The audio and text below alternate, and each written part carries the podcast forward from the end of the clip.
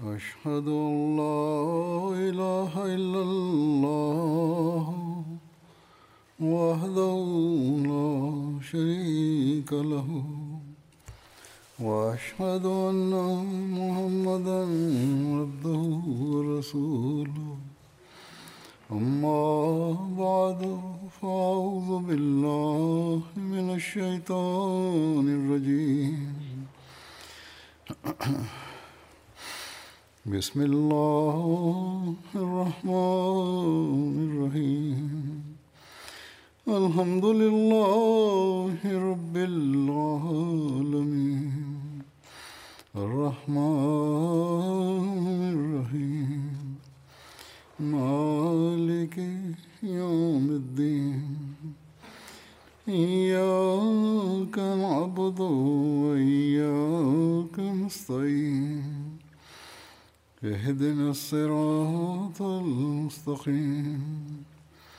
صراط الذين أنعمت عليهم. غير المغضوب عليهم ولا الضالين. وفي هذه الأيام خاصة تثار أسئلة عن الله تعالى وعن الدعاء. بينما حماة الإلحاد يهجمون على الله وعلى الدين أشد الهجوم بشكل مدروس ومخطط.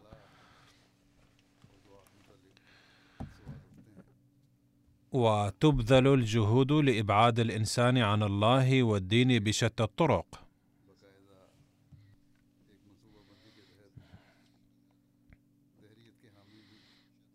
ويسعى الشيطان في زي الإخلاص والنصح لإقصاء العبد عن الدين وعن الله تعالى.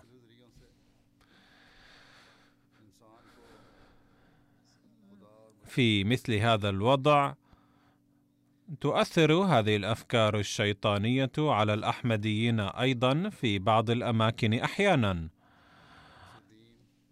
أو أقوال أهل الدنيا وأعداء الدين تحدث فيهم قلقا واضطرابا عن الدين وعن عبادة الله تعالى. وتنشأ شبهات في قلوب قليلي العلم. إذا تعرض ضعيفو الإيمان وقليلو العلم لابتلاء أو واجهوا فشلا خطر ببالهم فورا أن الدين الذي اعتنقوه خاطئ والحقيقة ليست فيه. أو لا يتقبل الله تعالى الأدعية رحمة منه ولا يخرج من الابتلاء والامتحان. أو إن الله تعالى ظلمهم والعياذ بالله بحيث يمرون بهذا الابتلاء ولا تزول عنهم دواعي القلق بالرغم من الأدعية.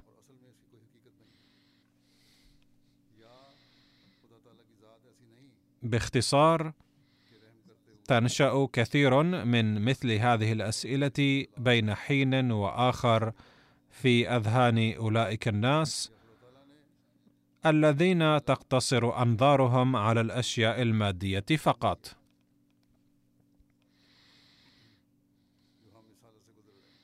بعض الناس يكتبون إلي أيضا ويطرحون أسئلة بعد بيان ظروفهم مما يتبين أنهم لا يؤمنون بالله كما يجب.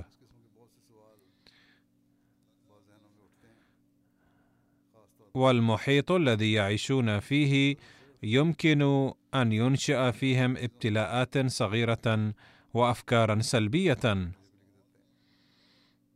أو يثير شبهات مع أنه ينبغي أن يتأملوا في حالتهم ويروا لأي مدى يسعون لأداء حقوق الله تعالى ولتحسين عباداتهم ولأي مدى رفعوا مستوى أدعيتهم وما هي حالة إيمانهم بالله تعالى.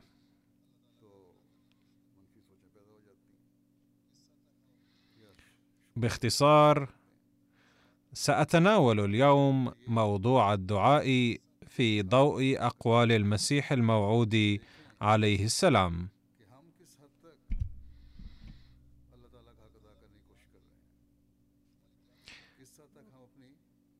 ونجد في أقواله وكتاباته امورا كثيرة عن هذا الموضوع.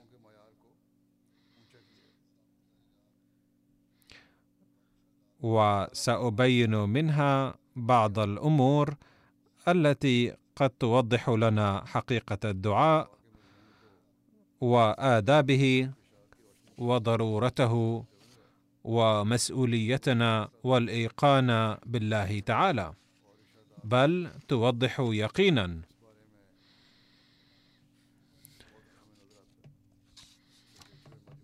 قال المسيح الموعود عليه السلام وهو يوجهنا إلى ضرورة الاهتمام بالعبادة والدعاء في الظروف الحسنة أيضا لكي تستجاب أدعيتنا في المصائب أيضا. إن الله يرحم ذلك الشخص الذي يخشى الله تعالى في حالة الأمن كخشيته عند حلول المصيبة به.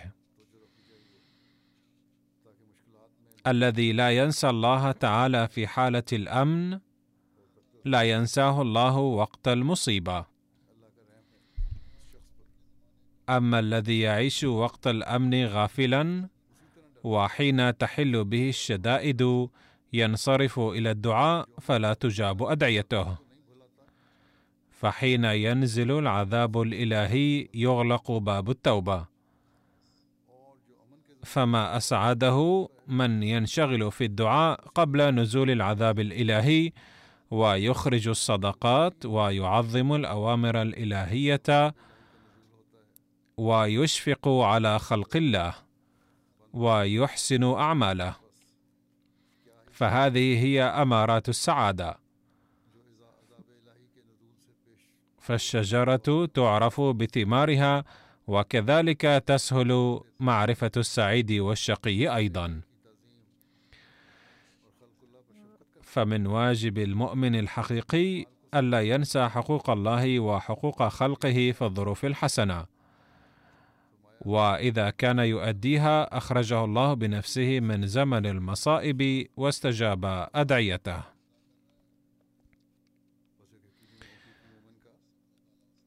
هذه نقطة أساسية بأن لا نتكاسل في العبادة والدعاء ابدا والا يجعلنا الانشغال بالأمور الدنيوية غافلين عن أداء حقوق الله تعالى.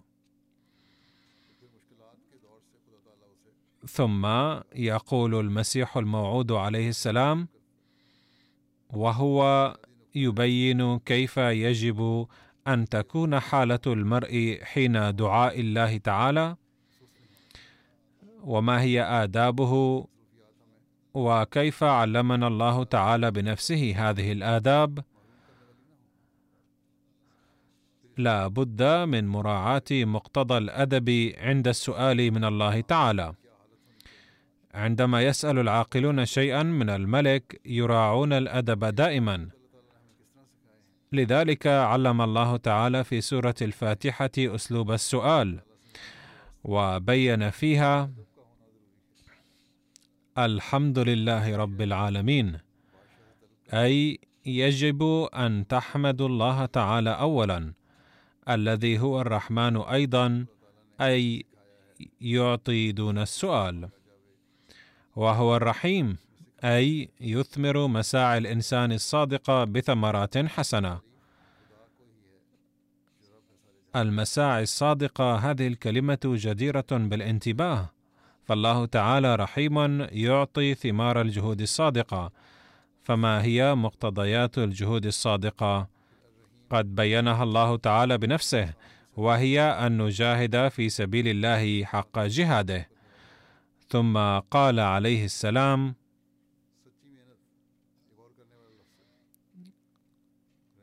وهو مالك يوم الدين أي بيده الجزاء والعقاب ويحيي من يشاء ويميت من يشاء وبيده الجزاء في الدنيا والآخرة.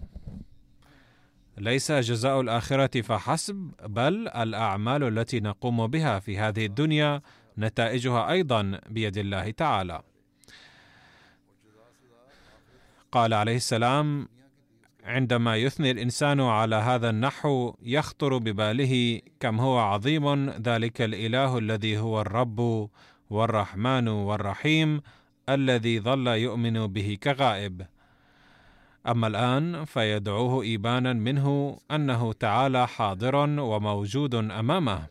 فيقول إياك نعبد وإياك نستعين أي نعبد أو نريد أن نعبد ولذلك نستعين بك. ثم يقول اهدنا الصراط المستقيم أي الصراط الذي لا عوج فيه.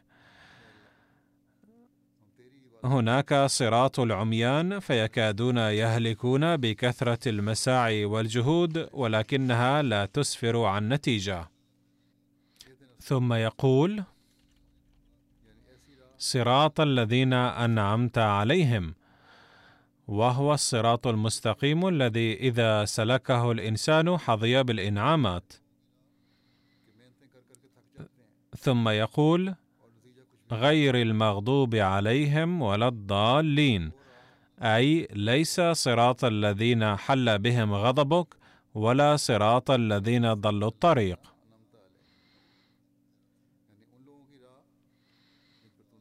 المراد من اهدنا الصراط المستقيم هو صراط الأمور الدينية والدنيوية كلها. فمثلا عندما يعالج الطبيب احدا لا يقدر عليه ما لم يهتدي إلى الصراط المستقيم. كذلك عندما يهتدي المحامون وغيرهم من أصحاب المهن والعلوم المختلفة إلى الصراط المستقيم تسهل عليهم أمورهم. لذا ينبغي أن نبحث عن الصراط المستقيم في الأمور الدنيوية أيضا ولا يمكن ذلك ما لم تكن علاقتنا بالله قوية. وفي المجلس الذي ألقى فيه المسيح الموعود عليه السلام هذا البيان أثار فيه أحد الناس اعتراضا وقال ما حاجة الأنبياء إلى هذا الدعاء؟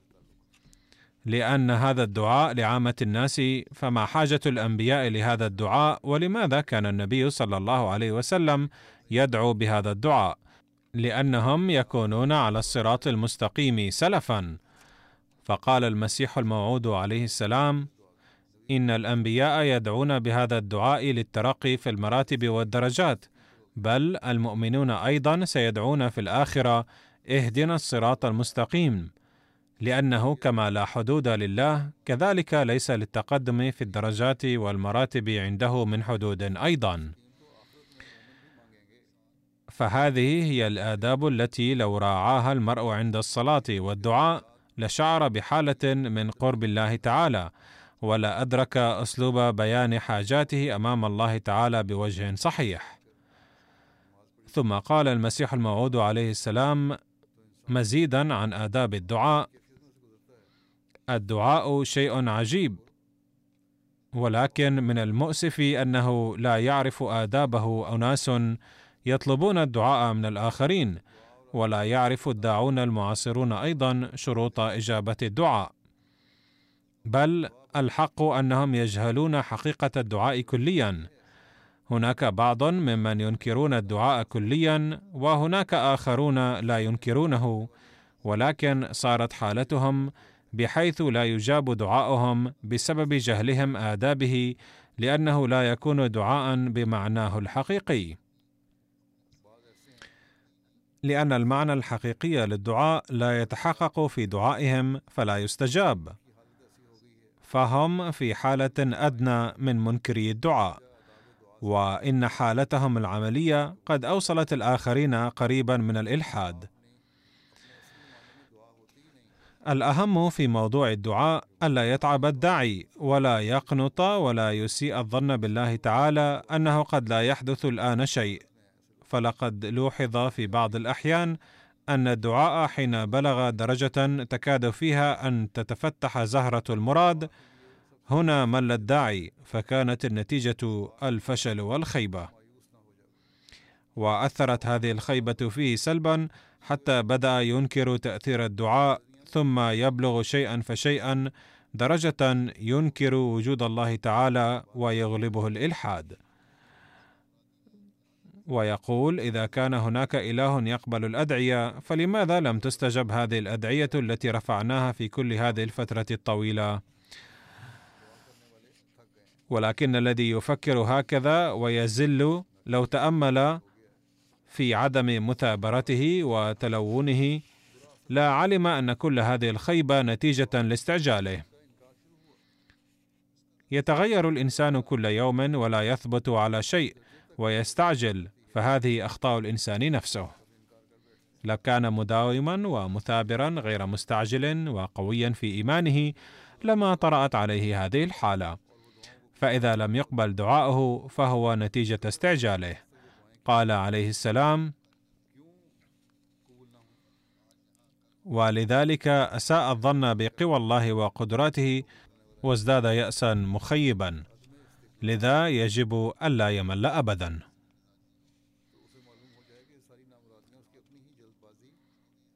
لقد حث عليه السلام على الصبر في الدعاء بضرب الأمثلة المادية. فقال إن مثل الدعاء كمثل أن يخرج الفلاح إلى حقله ويبذر البذرة فيه. إنه قد دفن في الظاهر حبة لا بأس بها في التراب.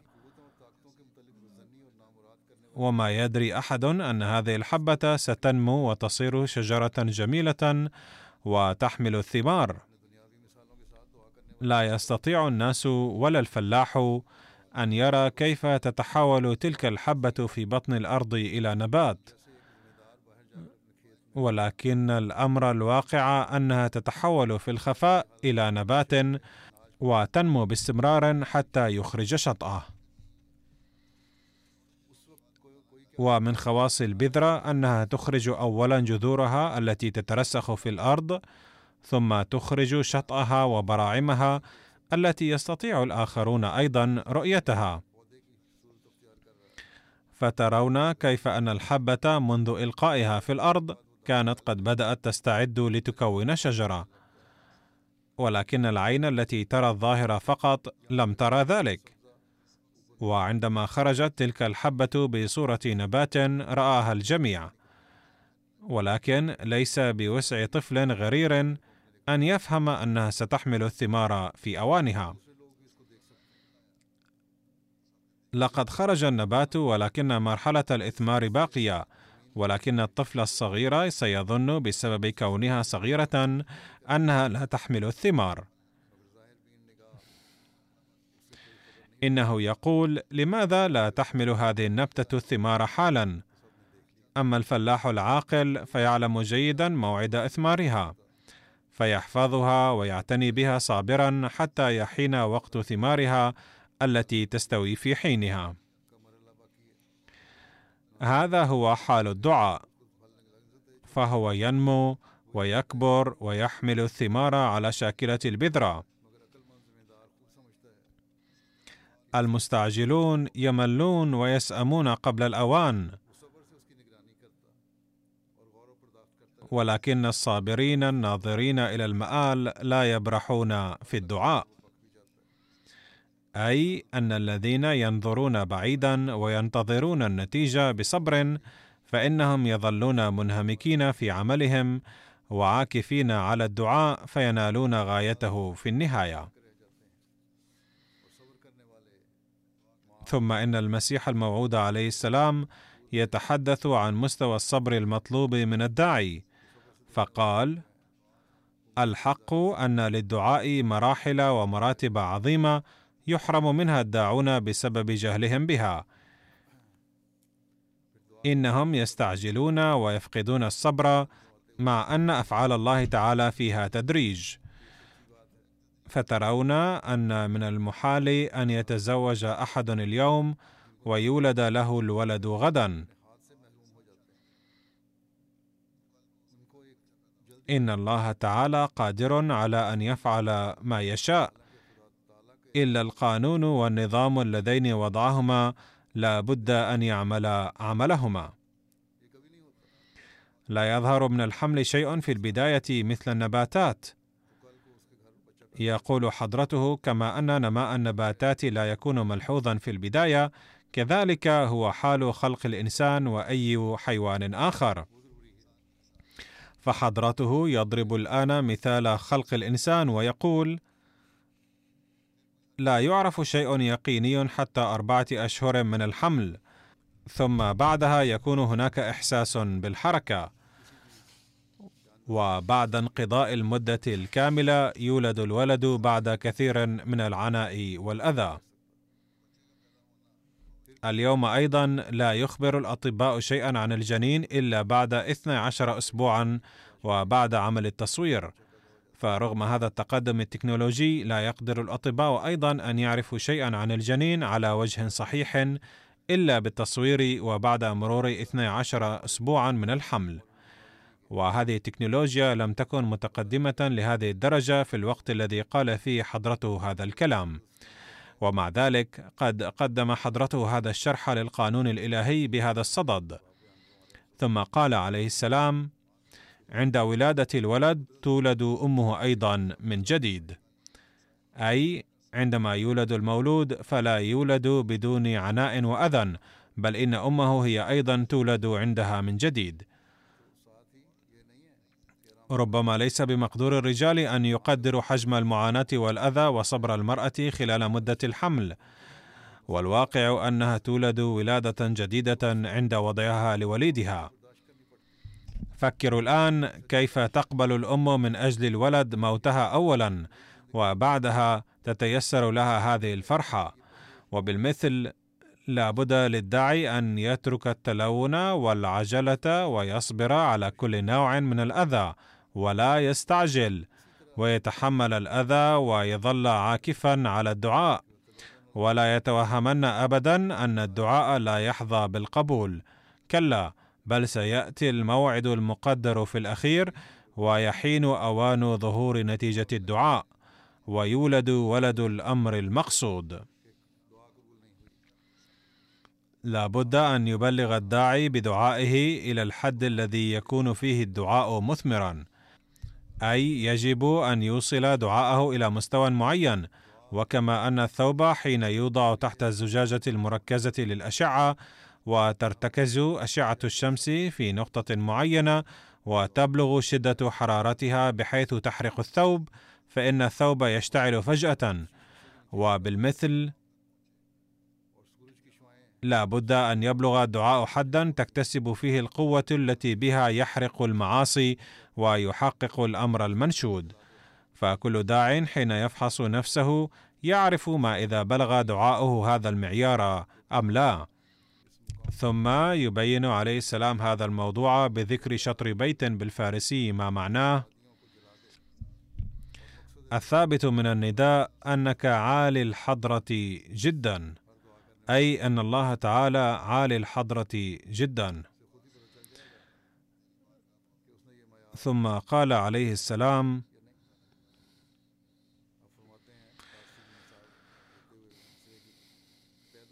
على المرء أن يواصل الدعاء لمدة طويلة وسيظهر الله نتيجة دعائه أخيرا.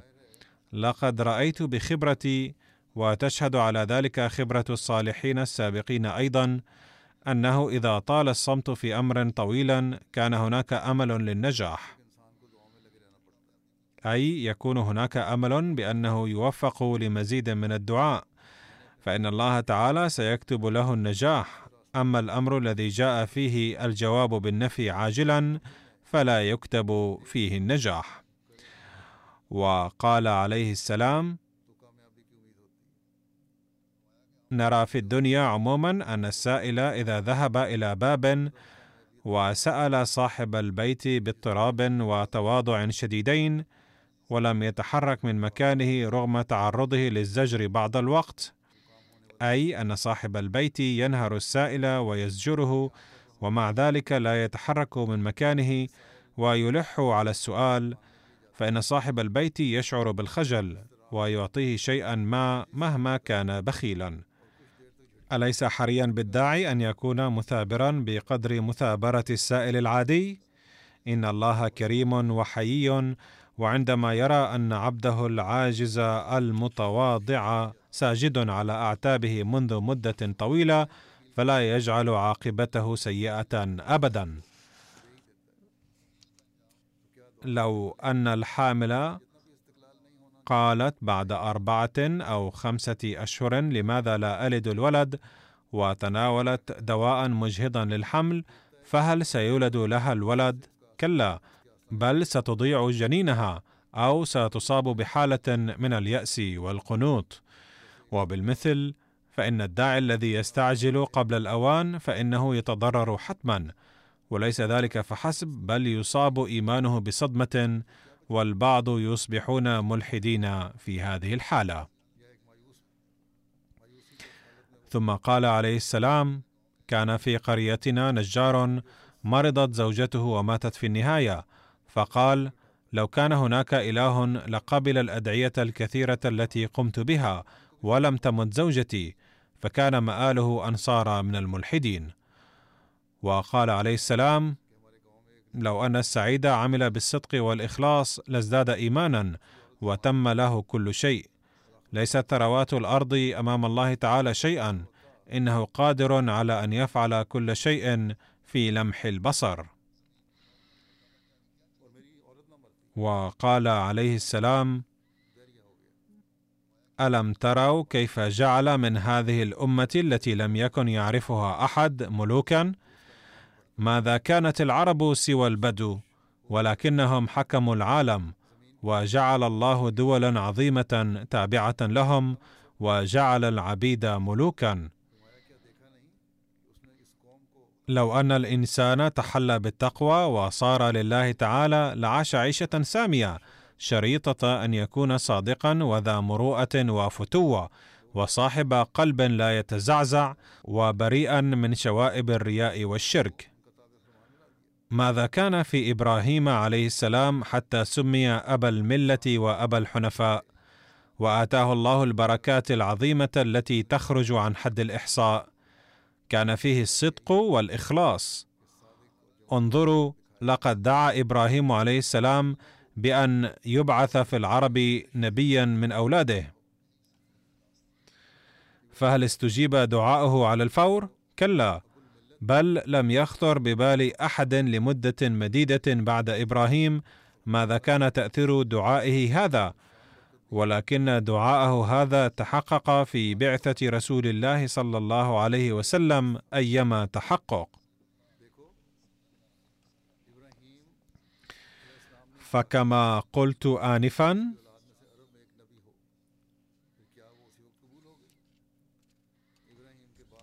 لا ينبغي للمرء أن يدعو وقت الشدة فقط بل عليه أن يدعو أيضا في وقت الراحة والرخاء الذي آتاه الله إياه. لقد قال المسيح الموعود عليه السلام وهو يبين كيف تكون وكيف يجب أن تكون العلاقة بين الجسم والروح من أجل استجابة الدعاء. فقال لا خير في الصلاة والصيام الظاهريين إذا كانا خاليين من الصدق والإخلاص. أي إذا جاء المرء وصلى بدون أن تذوب روحه في الصلاة فلا فائدة من ذلك. فإن اليوغيين والسنياسيين الهندوس أيضا يقومون برياضات شاقة. من الملاحظ كثيرا أن بعضهم يجففون أيديهم حيث يرفعونها ويظلون في هذه الحالة أياما فتجف. يكابدون المشاق الشديدة ويلقون أنفسهم في الشدائد والمصائب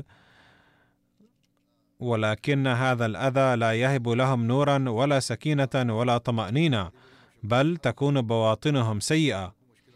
يقومون برياضات بدنية شاقة ولكن لا تكون لها علاقة ببواطنهم ولا تؤثر على روحانيتهم شيئا. لا شك أنهم يقومون بالمشعوذات ويمارسون شتى المشاق الظاهرة ويجوعون اياما طويلة ويكابدون أنواع الأذى ولكنهم لا يقدرون على أن يقدموا نماذج الروحانية. ومن أجل ذلك قال الله تعالى في القرآن الكريم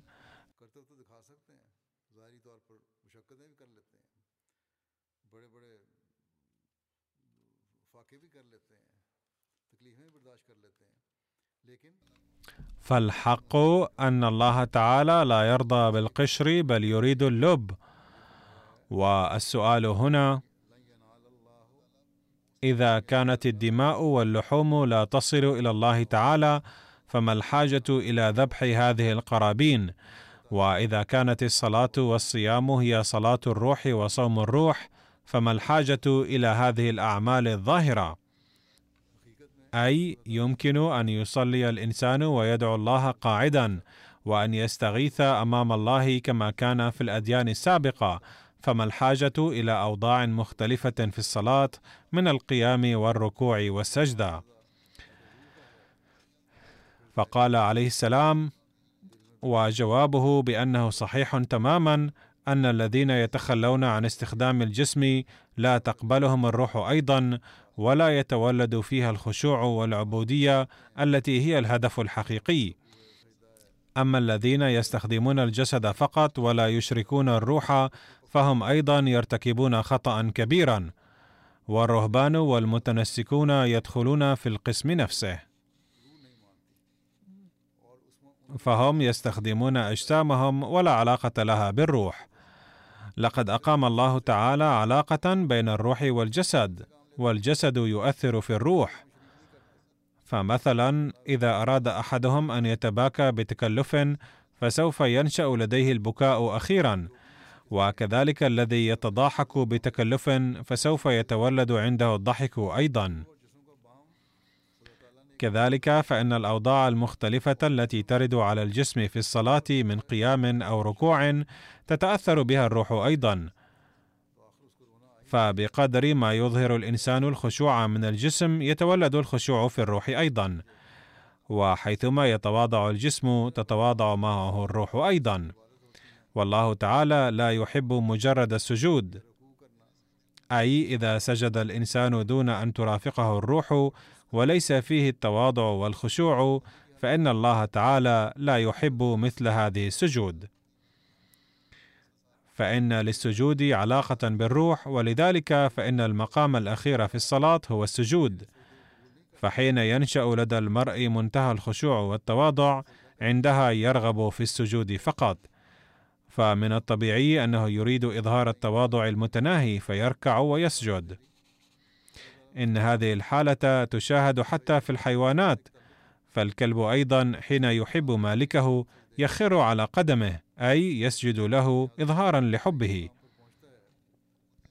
ومن هنا يثبت جليا أن للجسم علاقة خاصة بالروح وكذلك تؤثر أوضاع الروح على الجسم. فحين تحزن الروح يظهر أثره على الجسم أيضا فتدمع العين وتظهر الكآبة والآخرون أيضا يلاحظون ذلك حيث لا يروق له الجلوس في أي مجلس وإذا جلس سأله الناس ما الذي أصابك. إن لم تكن هناك علاقة بين الروح والجسم فلم يحدث كل هذا. صحيح أن مهمة القلب الدوره الدموية ولا شك أن القلب بمنزلة المحرك لسقاية الجسم فالقلب يعمل كمحرك لتسيير الدم فكل شيء يحدث بقبض القلب وبسطه أي بعمل القلب. باختصار إن السلسلة الروحانية والمادية تمشيان جنبا إلى جنب. أحيانا ينبسط القلب ثم ينكمش فبذلك يسير النظام الجسماني. ويدور الدم في الجسم وكذلك تمشي السلسلة الروحانية والمادية معا. عندما يتولد الخشوع في الروح يتولد في الجسم أيضا. لذلك عندما يتولد التواضع والخضوع في الروح تظهر آثاره في الجسم تلقائيا. كذلك عندما يقع تأثير خاص في الجسد تتأثر به الروح أيضا. لذا من الضروري أنه حين تقومون في الصلاة لله فأظهروا بوجودكم الخشوع والتواضع. وصحيح أنه نوع من النفاق بمعنى أن يظهر المرء الخشوع مع أن قلبه لا يرغب في ذلك لكنه ضروري لأن ذلك يؤثر رويدا ويتعود المرء عليه ثم يبدأ الجسم والروح بالعمل معا. ويبدأ الخشوع يتولد في الروح بشكل حقيقي وحين تبدأ هذه الحالة في الصلاة تبدأ اللذة أيضا في الصلاة حينها لا يتوجه المرء إلى الله من أجل منفعته بل يتوجه إلى الصلاة حبا لله وبدافع العلاقة به.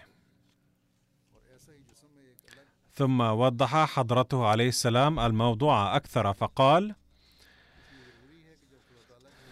يقول البعض إنهم لا يجدون اللذة في الصلاة وهم لا يدرون أن الحصول على اللذة ليس من صلاحيتهم. ثم إن مستوى اللذة أيضا يختلف من شخص إلى آخر. إذ يواجه بعضهم أشد الألم لكنه يعد ذلك الألم أيضا لذة. حين كان يتكلم عليه السلام كانت هناك معركة في ترانسوال من أجل الاستقلال. فقال مبينا الموضوع من المثال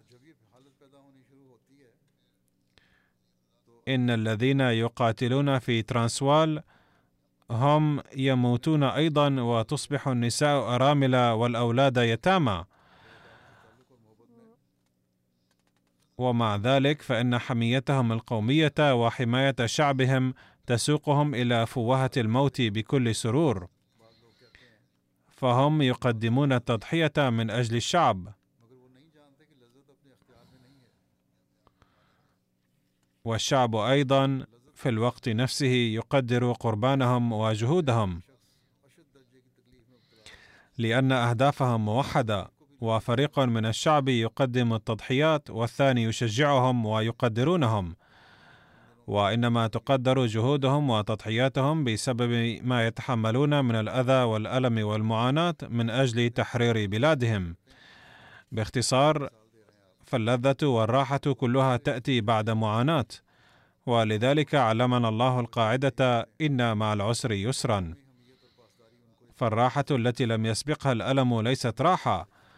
وكذلك الذين يقولون إنهم لا يجدون متعة في الصلاة يجب أن يفكروا في أنفسهم كم من الألم والمعاناة تحملوها من أجل العبادة. أي حين لا يجدون اللذة فليفكروا هل تألموا من أجل العبادة. فالألم والمعاناة التي سيتحملها الإنسان هي نفسها تستبدل باللذة. ثم قال عليه السلام أنا لا أقصد من هذه الآلام أن يلقي الإنسان نفسه في مشاق دون مبرر ويدعي أنه يتحمل آلاما لا تطاق وإنما أقصد أن على المرء أن يسعى لأداء الصلوات على وقتها بعد أن يستعد من أجلها بتحقيق كل لوازمها ويضحي بنومه وأعماله من أجل أداء الصلاة في وقتها ويولد في قلبه خشية الله تعالى. بعض الناس لا يريدون أن يتحملوا شخصيا أي نوع من المعاناة والمشقة ويكتفون بطلب الدعاء من الآخرين لحل مشاكلهم. وإذا سئلوا أحيانا يقولون أنهم لا يؤدون الصلوات الخمس بانتظام. ذات يوم طلب شاب من سيدنا المسيح الموعود عليه السلام أن يدعو لأبيه وليكن معلوما أن طلبه الدعاء لم يكن من أجل مصلحة مادية بل كان من أجل الدين. فقال له المسيح الموعود عليه السلام أدعو أنت بنفسك باهتمام وتركيز فكما يتقبل دعاء الأب لابنه يتقبل دعاء الابن لأبيه أيضا. وإذا دعوت أنت بنفسك أيضا بتركيز فسوف يؤثر دعائي أيضا. أي إذا دعوت شخصيا أيضا فسوف يفيدك دعائي وإلا فلا.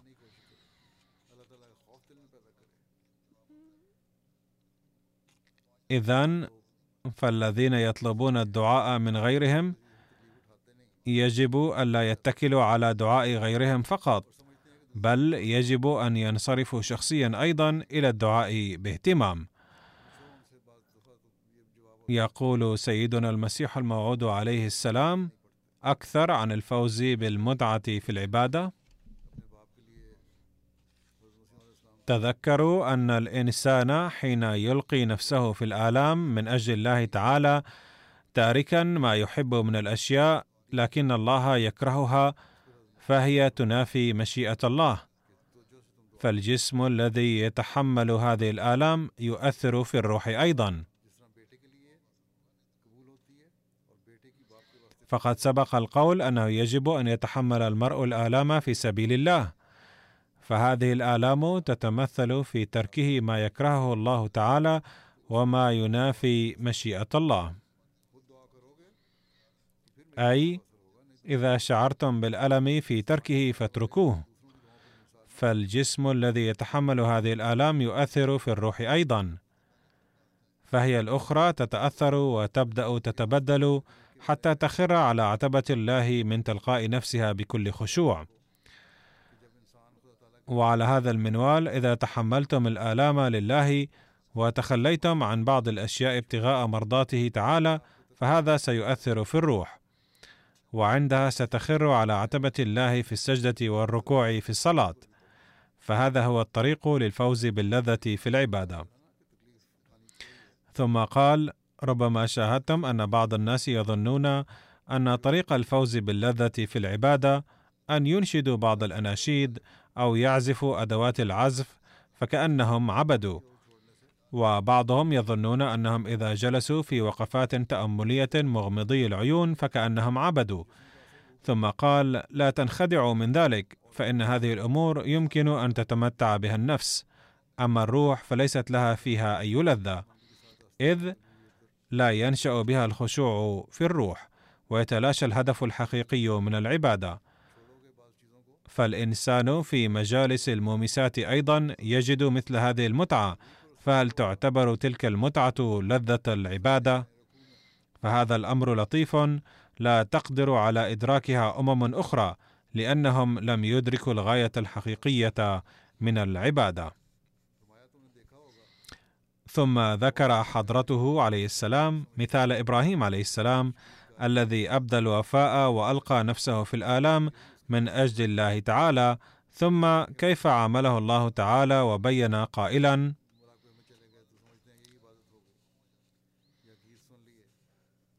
الطريق للفوز بقرب الله تعالى أن يبدي الإنسان الصدق. فحين نال سيدنا إبراهيم عليه السلام القرب فإنما ناله بهذا الطريق.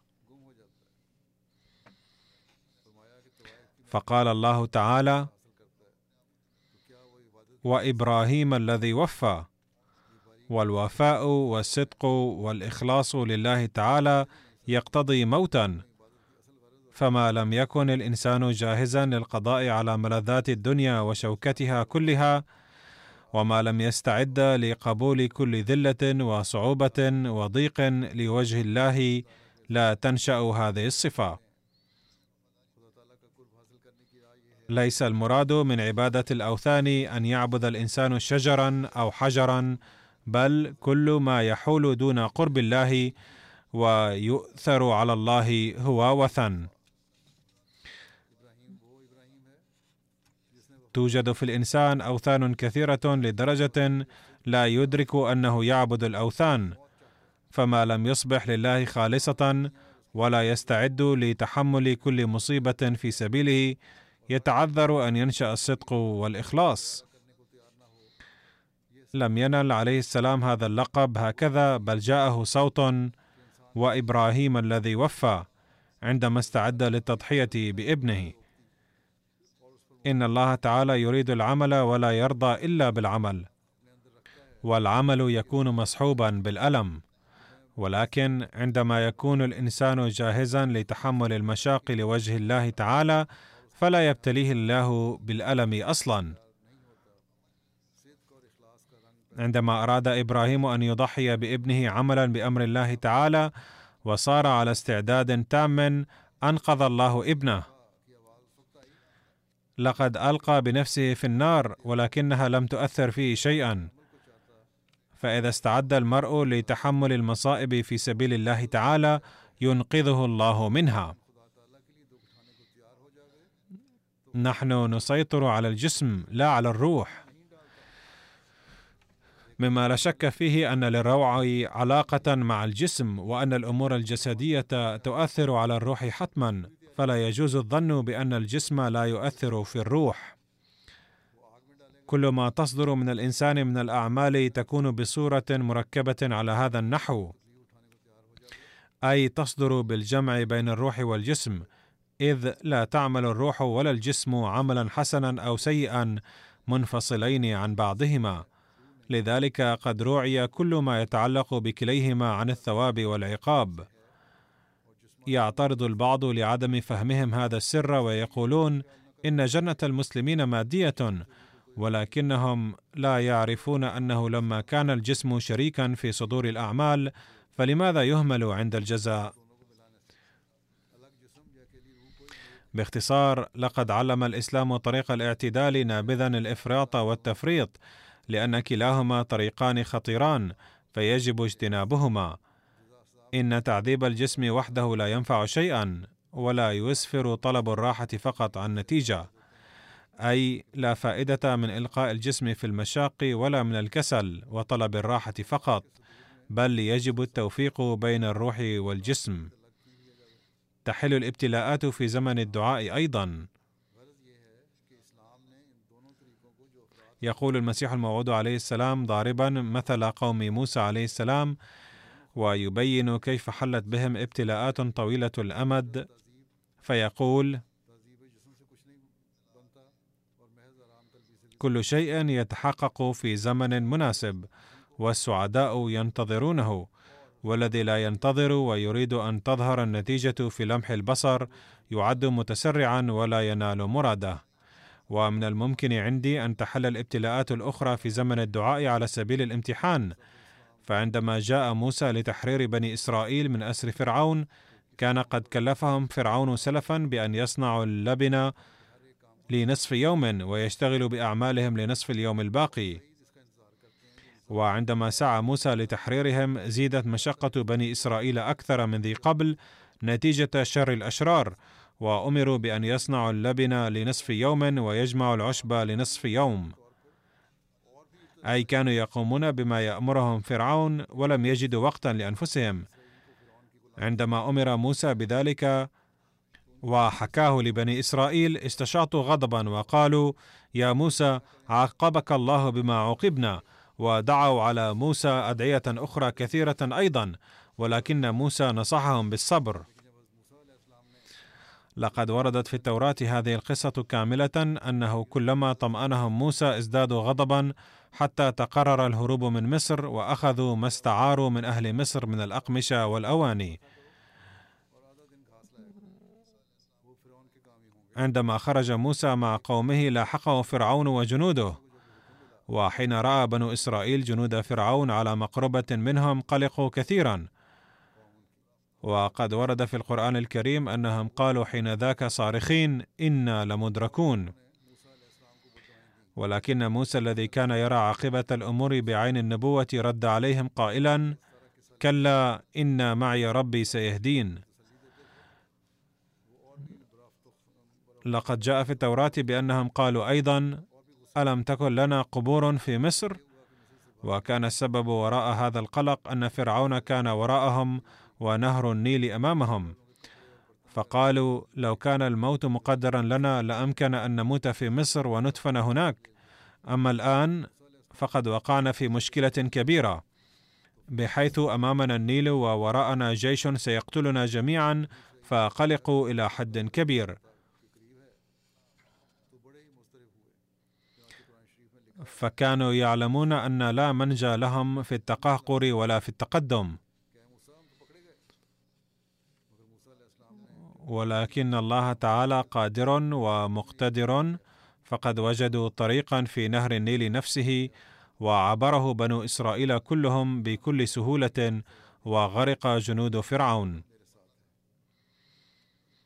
لا شك أنها كانت معجزة عظيمة إذ قد فجر الله تعالى طريقا لهم في الوقت المناسب تماما. وهذا ما يحدث مع كل تقي فينجو من كل ضيق يجعل له مخرجا. في أحيان كثيرة يحل بالإنسان ابتلاء تلو ابتلاء ما بين الدعاء واستجابته. وفي بعض الأحيان تكون تلك الابتلاءات قاصمه للظهر. ولكن السعيد والصابر على هذه المحن والمصاعب يشتم في أثنائها أيضا شذا افضال الله تعالى. ويرى بعين الفراسة أن النصر آت بعدها حتما. ومن الأسرار الكامنة في الابتلاءات انها تدفع المرء إلى الدعاء بحماس مفرط لأنه كلما ازداد الاضطرار والاضطراب ذابت الروح الأمر الذي يعد من دواعي استجابة الدعاء. إن الرقه والتوجه إلى الدعاء دليل على أن الله تعالى يريد أن يجيب الدعاء. اذا يجب الا يقلق الإنسان ابدا ولا يسيء الظن بالله تعالى نتيجة القلق وقلة الصبر. يجب الا يظن أحد ابدا أن دعاءه لا يستجاب أو لن يستجاب. إن هذا النوع من الوهم يعتبر رفضا لصفة الله مجيب الدعوات. لو بدأ الناس يفكرون ضد وجود الله تعالى بهذه الطريقة لتقدموا إلى الإلحاد.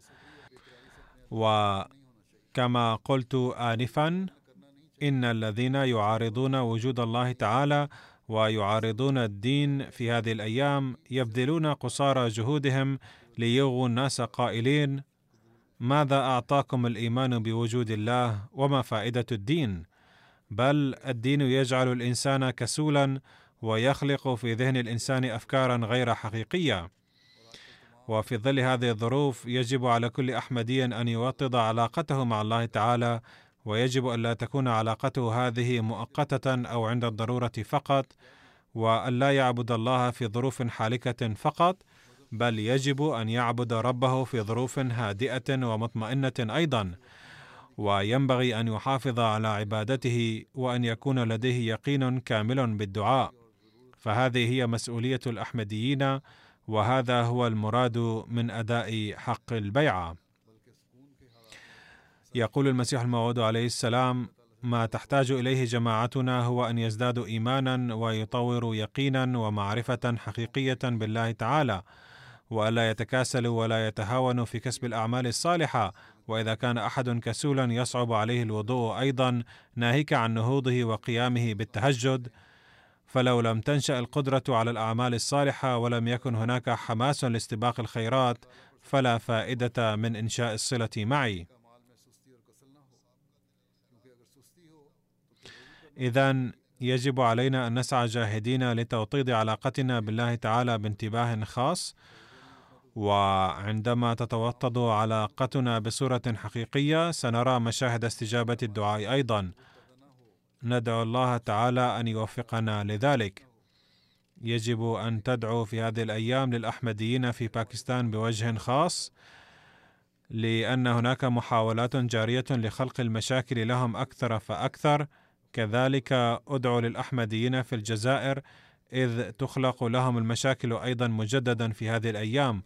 وأدعو للأحمديين الذين يواجهون المشاكل حيثما كانوا في العالم أن يحفظهم الله تعالى ويحميهم وينقذهم من كل مشكلة ويجعل الأعداء خائبين وخاسرين.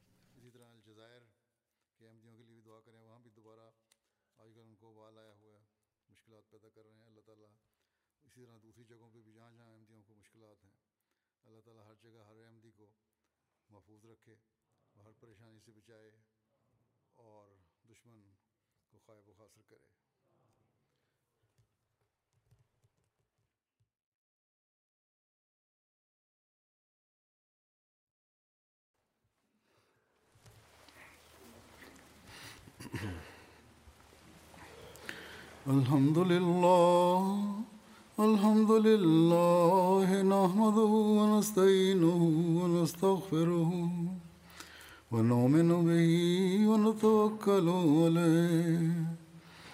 ونعوذ بالله من شرور أنفسنا ومن سيئات أعمالنا. من يهده الله فلا مضل له ومن يضلل فلا هادي له. ونشهد أن لا إله إلا الله. ونشهد أن محمدا عبده ورسوله. عباد الله رحمكم الله.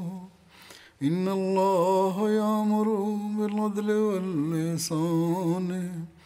وإيتاء ذي القربى وينهى عن الفحشاء والمنكر والبغي يعظكم لعلكم تذكرون.